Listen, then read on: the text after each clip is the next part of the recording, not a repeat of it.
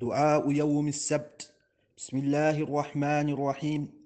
اللهم لا إله إلا أنت رب السماوات السبع ورب العرش العظيم أول كل شيء وآخره وخالق الخلق ورازقه فاطر السماوات والأرض جاعل الملائكة رسلا أولي أجنحة مثنى وثلاث ورباع وأنت على كل شيء قدير. صل على سيدنا محمد وآل سيدنا محمد. اللهم إني أدعوك وأعوذ بك من الفقر وتشتت الأمر ومن شر ما يحدث في الليل والنهار. اللهم اجعلني من عتقائك وطلقائك من النار.